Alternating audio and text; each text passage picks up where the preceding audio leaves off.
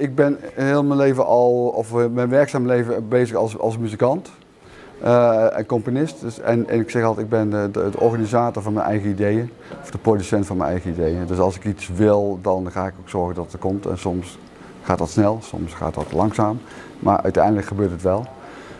Een stadscomponist uh, maakt nieuwe composities. Uh, voor en door de bevolking. Dus ik probeer zoveel mogelijk mensen erbij te betrekken.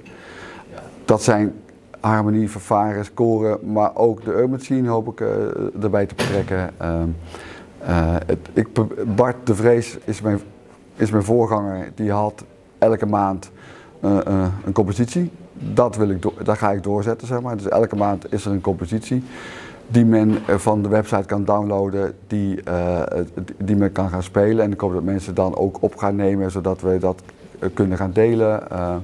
Dat zal voor alle instrumenten zijn.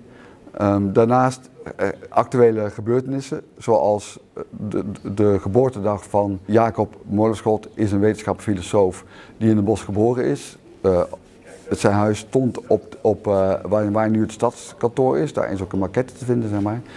Um, de beste man had, vooruitstrevende ideeën, uh, gelijkwaardigheid tussen man en vrouw, stemrecht voor de vrouw. Hij zei, ja, iemand die het, huis runt, waar we, waar we de kinderen aan overlaten, die, die, die zorgt voor goed, die moet ook kunnen stemmen. Maar ook alle kinderen naar school, want de tijd dat hij leefde was het helemaal niet vanzelfsprekend.